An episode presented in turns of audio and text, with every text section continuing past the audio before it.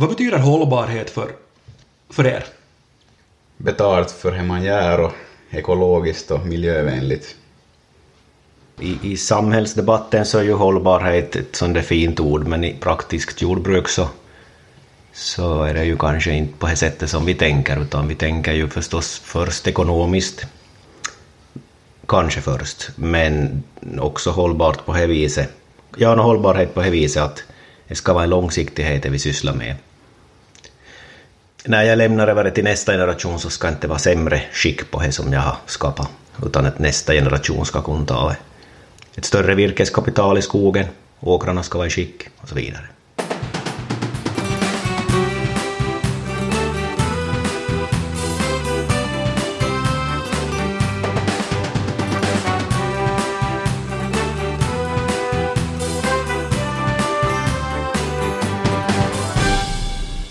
Framtidsodlarna är idag i Vikby, Korsholm och jag, Jens Berg, har slagit mig ner med Bjarne och Tobias, Mara, far och son. Hej på er!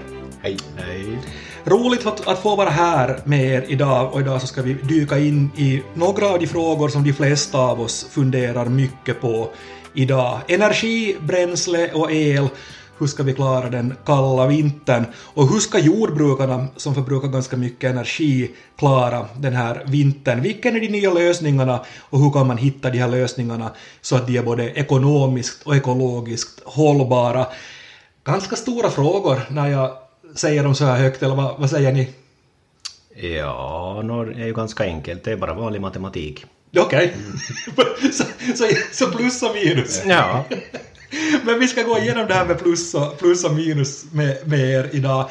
Men vi, vi tar den här vanliga presentationsrundan först. Och jag börjar med, med Tobias. Vem är Tobias Mara? Jag är 26 år, bor i Tölbyn. Eh, nästa generation på inkommande och har väl pysslat med jordbruk sedan man nu... Ja, första traktorn jag körde var en fyra år gammal och hoppade på kopplingen så ända sen har man väl nött på er.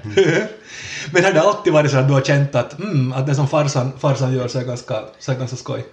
Ja, inte hela tiden. Jag var som under högstadietiden så funderade jag länge på att allt från bilmekaniker till kock och dylikt men när man kom till yrkes så, så känner man nog att ja, jag är ju duktig på det, jag är ju till och med bättre än många av det så det är nog det man ska pyssla med. Ja. Vad tycker du att är roligast nu när du jobbar, jobbar här på gården? Så vad, vilka delmoment eller vilka saker så tycker du att ja, nu har jag det här på programmet idag, det här är skoj? Inte just det där på programmet, men just det där Bakidal lyckades som till exempel då vi kör gräs så är vi upp till sex stycken som, som snurrar på samtidigt och allting ska fungera till men har det timmes marginal och dylikt. Det ska snurra på som en, som en dans. Och då jag lyckades med det så här här är en riktigt skön känsla att det är som inkört och allting har snurrat riktigt perfekt. Jag kan förstå det. Och, och Bjarne, då. Vem är Bjarne Mara? Ja, Och så skrattar han. ja. eh, 51 år och ekologisk mjölkbonde och det där. Vi har hållit- 93 så köpte vi första åkern och 94 gick vi över till eko.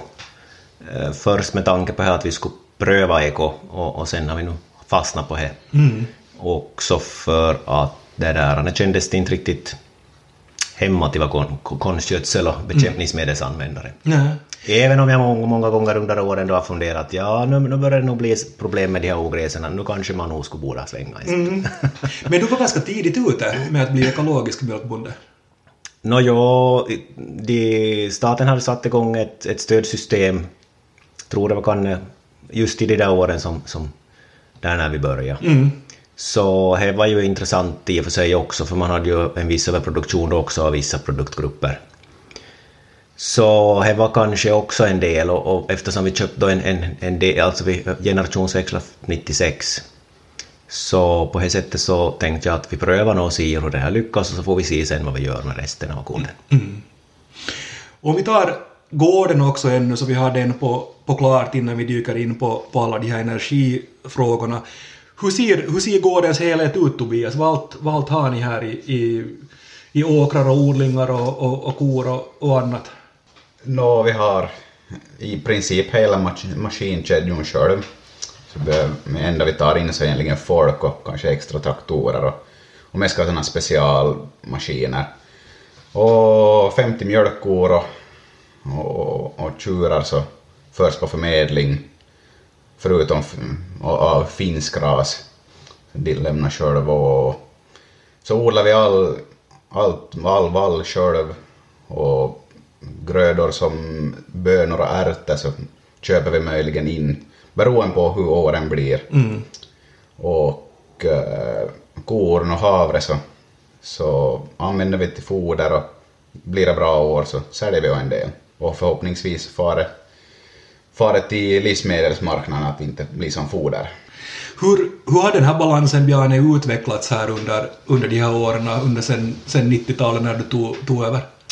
Nå, vi började med vår första mjölkko 95 så att eh, under en ganska lång period så hade vi, eller vi bygg, byggde det fähuset som vi har idag och så blev klart år 2000 och under ganska, vad ska man säga, 15 år så hade vi underskott på areal men de här sista 5-10 åren så har vi fått areal så att nu, nu har vi inte ett arealunderskott men, men då kanske en fördelning av grödorna så är ju förstås alltid en fråga som man funderar lite på. Mm. Hur har den utvecklats under, under 2000-talet, liksom fördelningen av, av grödorna? Nå, förr så tog vi och köpte ensilage på strå av andra ekoodlare. Och förstås, korn och havre har vi varit ganska länge självförsörjande på nu, men, men i alla fall att bönor och ärtor så har vi köpt in då i, i större eller mindre mängd. Och, och ju mer areal vi har fått så desto mindre mängd förstås, men att det är utmanande att odla de här proteingrödorna så är inte alltid man lyckas att skörda det. Nej. Vi ska komma in på, på det här med, med cirkulär ekonomi med, med er om en stund, men jag, jag är nyfiken när jag sitter, sitter med er här, far, far och son. Hur funkar det att jobba ihop? Du kan tänka dig att du svarar Tobias att Bjarne inte hör det här alls. Ja, alltså nu kommer det ju de gångerna att vi inte är överens, men man brukar nog bara tänka att ja, han får ta ansvar, eller så tar jag ansvar. Nu är det alltid någon som ger sig till sist. Nå, Vem brukar ge sig då? Det beror på inom vilka olika områden. Gäller det svetsning så då får inte han vara i vägen. Okej. Men Men, men har ni, har ni liksom en sån där klar arbetsfördelning att, att, att du vet Björn att det här sköter Tobias och han sköter det bättre än vad jag gör, att, att det där får han göra och sen vet du att du har dina grejer som du, som du gör. Eh, Ja, här på det sättet och, och svetsa så är faktiskt, på- jag ser inte svets så jag, det spelar inte någon roll om jag, jag ska svetsa en, en viss sträcka så då är jag på sidan av det så jag har som, det är en praktisk sak. Ja. Så, men vi har en arbetsfördelning, ja. Och hur, hur ser den ungefär ut? Nå, jag sköter fähuset och papperna och, och, och så stöder jag upp då åkerarbetena. Mm. och jag sköter som princip allt som heter maskiner och ser till att vi har extra folk när vi behöver. Och, För det finns, eller vi har flera som hoppar in på kvällar och som är lite mer energisk som inte tycker att åtta timmars arbete räcker till så som vill ha lite extra. Så Ja, precis. Men det låter, det låter ganska bra. Och, och som sagt, när, när ni inte är överens sen så då, då det där beror det kanske lite på vilket område ni är inne på sen, att om det är Tobias område eller om det är Bjarnes område. Ja, så är det förstås. Och är det något skilt projekt så brukar vi göra på det sättet så att, att det där, eh, om Tobias är jätteenvis så säger han att du får skötet då så är det som är. Jag kan tro det. Men har ni, har ni nu också ett officiellt generationsskifte på, på gång? Så att Tobias håller på att bli husbonden? Eh, När vi funderar på sammanslutning, eller vi ska utreda möjligheterna och se hur det förutsättningar ger för det och, och sannolikt gå in för det förstås. Och så har jag ju två syskon till och som kan vara intresserade. Så. Ja, men är de med också? Ja, i praktiska arbete, ja, men, men de har egna arbeten idag. Till, Men att, det betyder ju inte att de, är med, att de inte ska vara med i framtiden. Nej, exakt. Men det där, det har ju sina utmaningar. Jag, jag är kanske motståndare till en sån där sammanslutning mellan syskon för det har tyvärr väldigt ofta visat sig vara svårt att dra samsidom så, så det skulle jag ogärna se men, men det är ju också en, en inställningssak. Så, och så dömer jag ut det på det sättet men, men riskerna är definitivt större. Men hur, hur är det sen med, med den ekologiska delen av, av, av gården? Är ni överens om den? Är det liksom för dig Tobias också? Var det lika självklart för dig som det var för Bjarne 1994 att, att det här är en ekologisk gård? Ja, alltså drömmen är ju att man ska kunna säga att när en konventionell odlare säger ja, jag fick bra, jag fick 16, 16 hektar. Säger man ja, men jag fick 7 ja, som ekologisk. Det skulle nog vara en liten dröm och inte behöva köpa in någon dyr gödning utan allting kommer från egen gård. Vi ska gå in på, på det här. Du sa här Bjarne i inledningen att det här är ganska enkelt, att det handlar om matematik. Och det är den här matematiken jag, jag, jag är jättenyfiken på. Framtidsodlarna är idag i Vikbyn, Korsholm och jag, Jens Berg, samtalar med Bjarne och Tobias Mara. När man läser om, om er här så är det ett begrepp som återkommer ganska ofta och det är den cirkulära ekonomin. Kan ni förklara för mig vad en cirkulär ekonomi är? Nå, det finns ju en akademisk förklaring på det, men den tänker jag gå in på. Utan jag, vi tänker inte på det sättet, utan för oss så handlar det om förluster i systemet som vi har. Alltså energiförluster eller bränsleförluster eller, eller värmeförluster eller köldförluster och, och, och, liksom, eh, och näringsämnesförluster förstås mm. som vi har. Och, och det där, för oss gäller det ju att optimera de här olika delarna så mycket som möjligt till ett visst pris. Och därför sa jag just med att, att i princip så är det matematik som gäller. Mm. För att om vi tittar på elpriset för ett år sedan så, så var det ingen som pratade om att vi skulle spara el, det var helt onödigt. Och idag är det en ganska, lite annan situation. Mm. Och det där, klart att det också för oss har en rätt så stor relevans i, i men det betyder ju inte alltid, alltså, eh, att köpa en ny traktor så kan vara totalt oekonomiskt genom, matematiskt genomräknat, alltså kostnadseffektivt. Mm. Men samtidigt kanske du vill ha den där traktorn, då, då är motiveringen det att du vill ha den. Mm.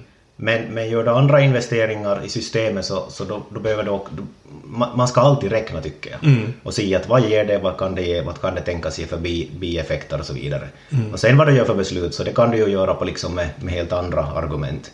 Det kan ju också vara så att den nya traktorn är så mycket mer miljövänlig eller har andra egenskaper som för chauffören till exempel att sitta bekvämt i en traktor. Mm.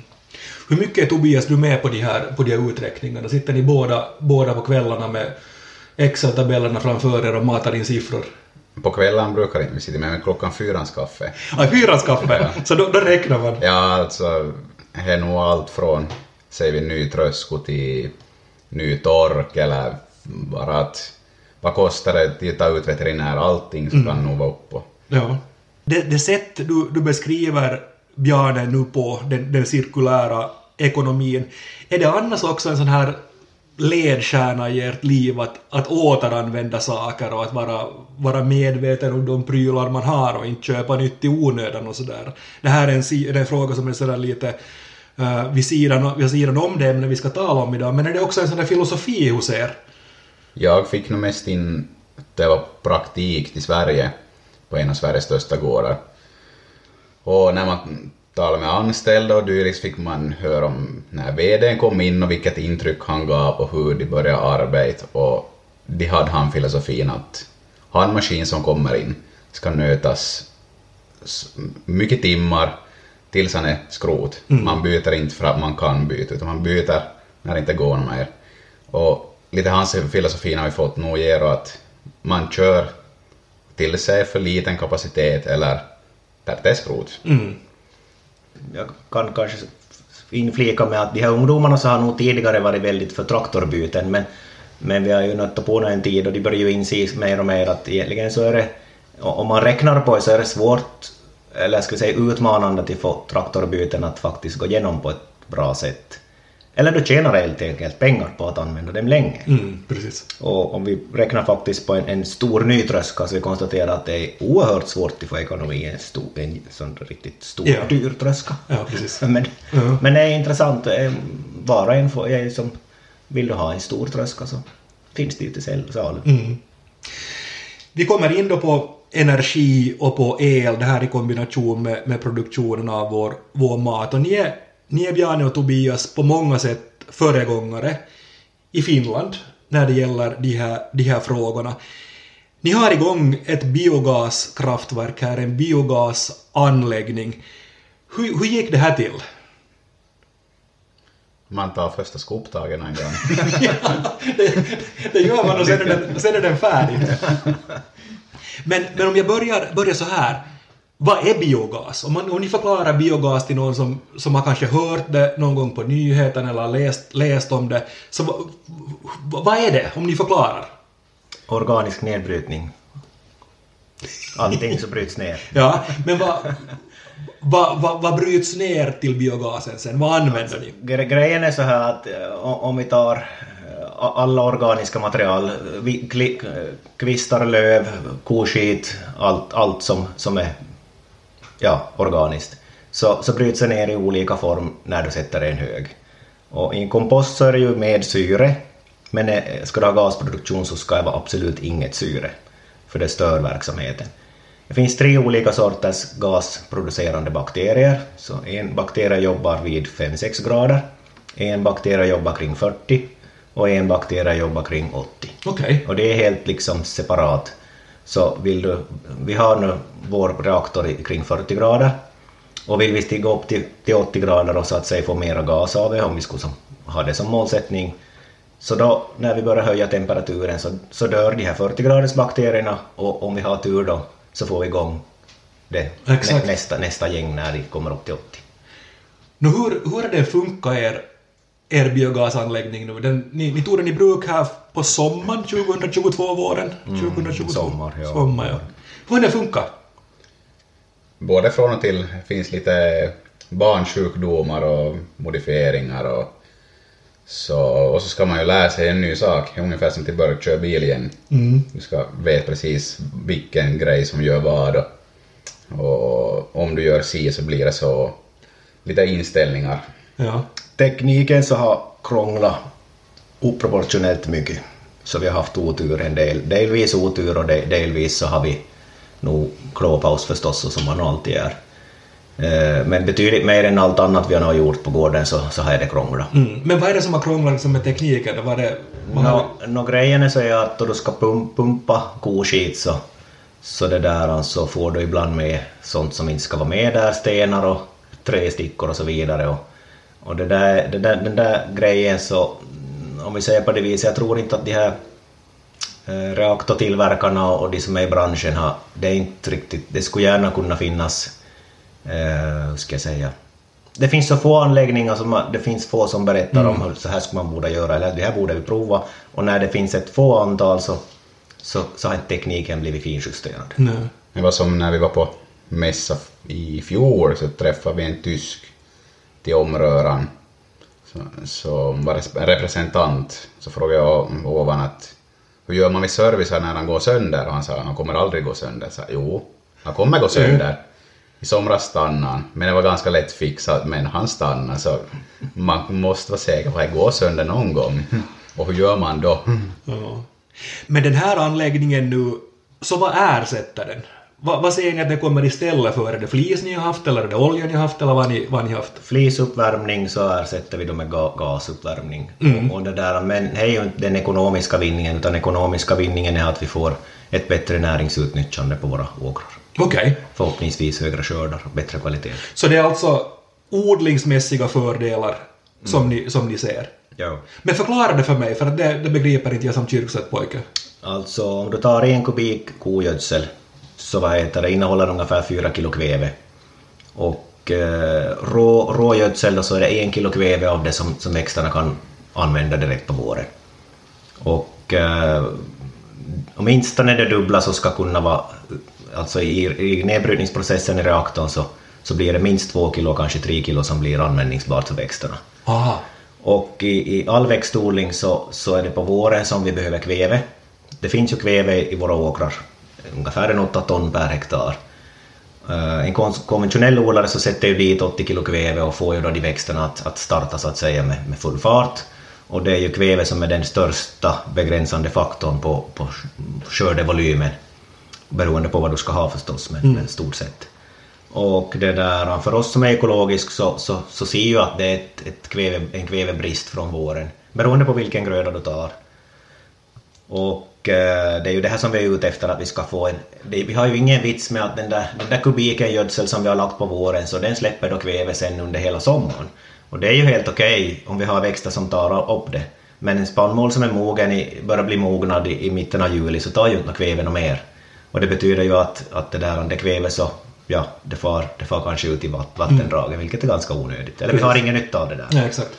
Så vi skulle vilja utnyttja det kväve, det kväve vi har så tidigt som möjligt när vi har växter som tar upp det. Och sen kan man ju då ställa frågan att ska vi ha en svart åker, en plöjd åker på hösten som, som också läcker med kväve eftersom ju kvävefrigöringen pågår så länge som marken är bar och, och varm.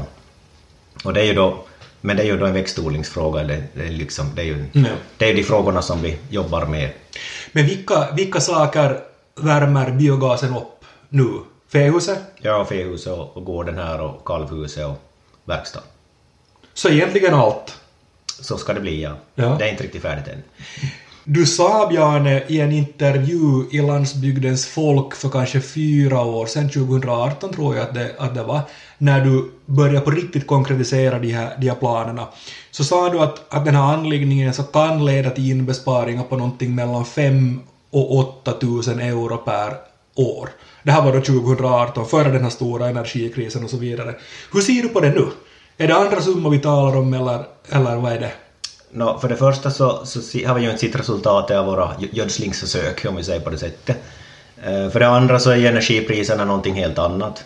Och, och det där, eh, teoretiskt så skulle vi kunna sälja flisen till ett helt annat pris sannolikt redan idag, så där har vi en annan intjäning. Men, men det, egentligen är det rätt så ointressant, för det intressanta för oss är ju att hur optimerar vi gasproduktionen i förhållande till det som vi slutprodukten blir. För vi kan ju också se att det i samhället finns en efterfrågan av gas och skulle det finnas en, en, en uppsamling av, av rågasen på gårdarna så, så skulle det ju kanske vara ännu mer lönsamt eftersom vi då slapp den här förädlingen. Exakt. Elproduktionen, okej, den är intressant men, men den är ju inte bara bara, bara. Det, det, det kräver ju också en, en mas, maskinpark eller en generator och en motor som går och, och en viss översyn och så vidare. Det, det är ju inte en dålig sak men, men gasen i sig är ju fenomenal som fordonsgas och det är dit vi borde använda den. Så, Men, men tror du att vi är på väg dit, Björn? Tror du att det kommer att bli, bli så?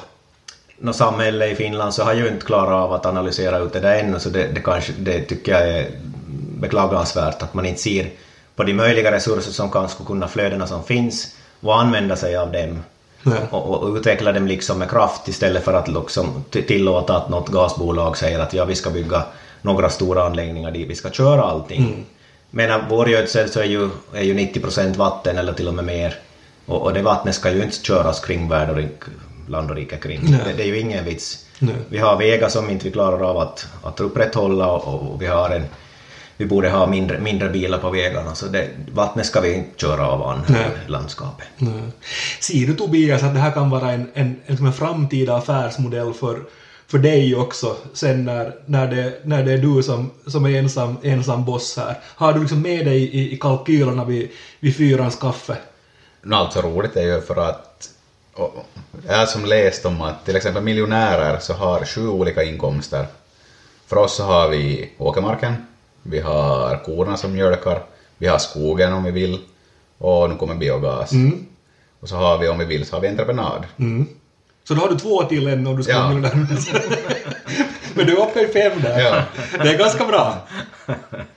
Men någon som, som lyssnar på det här och funderar att, mm, att det här med, med en biogasanläggning hemma hos oss skulle vara ett alternativ också. Får man, får man stöd för det? Eller jag antar att man kan få från typ NTM-centralen eller någonting sånt stöd också för att man gör det.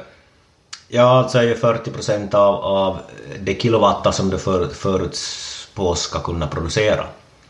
Så det är väl också någonting som jag kanske tycker att är, är, är inte riktigt välplanerat för att dels så blir vi, vi, vi har ju som eh, kostnadsprislappen klar på vår reaktor och visserligen så, så ser jag ju också möjligheter att man skulle kunna bygga den, byggt den billigare och, och gjort annorlunda saker. Men, men det där... eh, Vi talar alltså om sexsiffriga belopp. Ja, jo. Reddit. Jo, jo. 200 000 kostar vår. Men, Ja. Men i de, de här nyckel i hand-koncepterna som då förstås för större gårdar så kanske var det mer lämpliga så pratar man ju om 400-500 000 euro. Exakt. Ja. Har gjort, jag kan inte säga vad det är idag. då. Nej. Men själva reaktorn är ju inte liksom någon raket, det är ju en, det är ju en svämbrunn som är isolerad och, och värmesystem som är inkopplat och så är det ju klart med det. Ja. Så det är ju som inte själva reaktorn och det tycker jag är, det är en simpel sak. Problemet är liksom när du börjar ha de här att hur, hur får du det dit pumpat på ett funktionellt sätt, hur får det utpumpat och får du kontroll av, av gasflöde för att i princip så är ju gasproduktionen lite samma sak som med sol och vind. Du har vissa faktorer du vet. Solen vet du att kommer upp på morgonen, den producerar under dagen och den har en topp klockan 12 och sen så blir det mindre. Och det har det förutsatt att det inte är moln. Och vinden så får du när det kommer. Gasen är på det viset tacksam att den har ju, när du, så länge du matar in ett visst material så kommer en viss mängd gas. Och, det, på det sättet är den just säkrare men samtidigt så kräver det ju att du kan ju inte liksom bara tänka att ja idag får jag köra bil för jag har mycket gas. Då måste jag göra det följande dag också om jag, det är det jag ska köra. Mm, jag förstår. Nej, men det, jag tror att det var du som sa det här också i någon, någon intervju att, att, att potentialen bland er lantbrukare är enorm. Att ungefär 80 procent av biogaspotentialen finns på, ho, på, hos er lant, lantbrukare. Så, så vi väl bara antar jag sett början av någonting ännu som kan bli en ganska stor grej. Så alltså grejen är så här att, att samhället skulle måste ta beslut att vi ska utnyttja de råvaror vi har. Och om förutsatt nu förstås att vi ska äta kött i framtiden så då har vi djur och då har vi gödsel och den gödseln så, så ska vi optim, optimalt använda och, och då kommer det just in de här frågorna att varför ska vi inte använda den resurs? Alltså, vi kan säga det så här att om vår teoretiska bränsleproduktion via gasen är, eh, kan vara 40-50 000 liter i året. Så det, det, den liksom bränslemängden har ju gått förbi varenda år om vi inte då har biogasreaktorn. Och det tycker jag känns ganska, eller det känns ju dumt. Och, och den resursen kan vi ju använda på något sätt. Och sen hur vi använder det så det kan vi fundera på. Men, men det är ju liksom katastrof att i det här samhället så funderar vi på att vi ska ha vindkraft som lagar vätgas och, och forma om den där energi många gånger om. När vi har biogas som jag vet att jordbrukarna är jätteintresserade och vi har ju klart, självklart nytta av det i växtodlingen sen. Så bara vi skulle få ett, ett bra uppsamlingssystem av gasen och man skulle ha klart för sig vad man vill så då skulle det här vara en mycket stor potential. För den tunga, tunga fordonsindustrin så skulle ju ha mycket lätt att köra på gas. Vi behöver ju inte ha någon ny bil för det. Vi behöver inte ha en akkubil eller... Det är ju bara att sätta in gastankar och programmera om. Tänker ni på, på det? Att det kan bli den dagen när ni, när ni kör med biogas? Kan nog vara att eh, problemet med tekniken är att det ska ju framåt och det ska bli... Alltså du kan ju inte... i Dagens teknik så har jag lite känslan av att det är lite för vad ska man säga, omodern, inte, han är inte hela vägen dit för att det ska vara ett simpelt system. Att eh, du måste få du måste få en lite bättre utvecklare. Ni har, Bjarne och Tobias här också, solpaneler. 84 räknar jag till när jag, när jag kom, kom här. Är ni i princip självförsörjande via, via dem? 50 procent ungefär. Okej. Men, men då talar vi om tiden från april till oktober, antar jag, ungefär. Eller ursäkta, 50 procent av det vi producerar använder vi själva och resten säljer vi. Så vi har, det blir eh, 20 procent ungefär av årskonsumtionen kommer via solen. Mm. Men jag hör att ni har varit ganska nöjda med, med den investeringen. Ja, den behöver ju inte mycket underhåll. Nej, inte så mycket. Nej, det gnisslar inte nå och ska inte smörjas och... Roliga var ju att jag var uppbyggd så var ju inbetalningstiden Ja, åtta teoretiskt. åtta. Ja. Men, men det beror ju på användningen av Ja. Så du skulle behöva Ja. komma upp till en 80-90 procent användning Ja. av den producerade Ja. el du har. Ja. Så, men vi har, i och med biogasen så, så flyttar vi ju en del från att uh, ha flyttat gödsel med traktor så pumpar vi ju istället så vi, och, och så rör vi om och har en del e- elmotor och där. Och sen så har vi också en del andra processer som vi funderar på att svänga om till el, elanvändning. Vilka processer tänker ni då? När vi har fraktmalning för tillfället, alltså det kommer en lastbil som malar mjölet och vi tänkte vi skulle mala själva. Ja. Är det någonting som du går igång på Tobias också? Att bli mjölnare? Ja, allt är roligt om man får göra själv. Visst. Nej men det är ju, det är ju fantastiskt med, med, med, era, med era solpaneler för de ligger, de ligger ju ganska optimalt nu också. Ligger de väst-öst Ja. tyckte jag mig se på, på kompassen ungefär när jag, när jag kom. Ja, det är ju en, en sån tanke att vi mjölkar ju på morgon och kväll så att vi ska som få produktion en, istället för att ha den på helt på syd så, så ska vi ha från morgon och från kväll, lite mer på kvällen. Men hur mycket ger de på, på vintern åt er? När vi kommer in i november, december, januari? Nå, oktober är nog noll och ända till mars är det nog i princip noll. Mm, ja. Så det, det är halva, halva året vi talar, drygt. Lite frågor om, om framtiden här ännu innan jag, innan jag släpper, släpper iväg er. Vilka, vilka möjligheter, Tobias, ser du att lantbruket har att gå mera mot den, den cirkulära ekonomin? Va, du, har suttit, du är den som har suttit sist på, på skolbänken av oss, av oss tre här. Så vilka, vilka alla möjligheter ser du för det framtida lantbruket? Om vi tar, tar din, din gård eller er gård här som exempel. Alltså möjligheten är ju enorm. Alltså, ju längre man tänker och får koll på olika industrier och dittan och dattan, så ser du att det finns ju outnyttjade potential. Att just med biogas, att du kan ju använda gasen hur långt som helst. Jag vet till exempel, gården jag var på i Sverige, så kyler ner mjölktankarna med gas. Och no, du ska vara ganska stor för att det ska lyckas, vi, vi, be- vi behöver inte men, men det var ganska enormt. Så alltså det finns, bara ju längre du tänker så finns det potential. Maskinerna kan du använda på flera olika sätt och allting kan, det finns stora möjligheter, bara du har lite tid att tänka Eh, kan, kan se allting från olika linjer.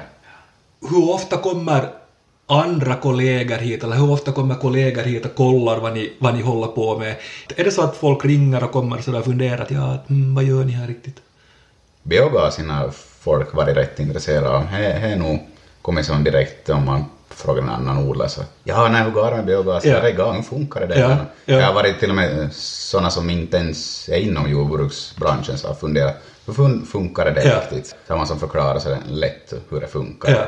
Det är som nog, och just med det här var den lilla diskussionen om drivmedel på bilar, så när folk har sagt att ja, jag på biogas, det är jättebilligt gentemot till köp på bensin och diesel, och då så är det som folk börjar fundera, vad, vad är det, det bio, eller som Mm. Ja, biogas precis. och Ja. allting så.